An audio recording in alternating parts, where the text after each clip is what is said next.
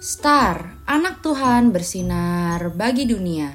Renungan tanggal 25 Februari untuk anak balita sampai kelas 1 SD. Tuhan Yesus mengajarkan untuk tidak khawatir. Dari Matius 6 ayat 25b. Janganlah khawatir akan hidupmu. Mah, hari ini mama masih mual? Tanya Mentari. Iya, kata mama. Mama sakit ya? Tanya Mentari lagi. Enggak kok, mama lagi khawatir aja. Kak Bintang minggu depan ujian, tapi beberapa contoh soal ujian yang mama berikan belum bisa dijawab oleh Kak Bintang. Mama khawatir Kak Bintang tidak dapat mengikuti ujian dengan baik nantinya. Kata mama menjelaskan. Papa, khawatir itu apa sih? Tanya Mentari. Khawatir itu adalah perasaan takut untuk sesuatu yang belum terjadi. Takutnya berlebihan dan terus menerus. Jawab papa.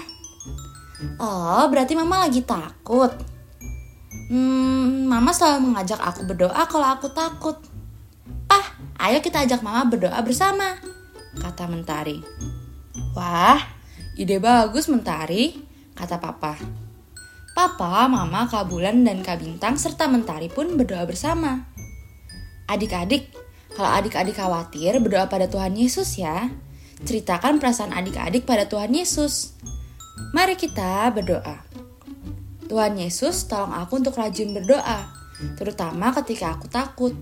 Terima kasih Tuhan Yesus. Amin.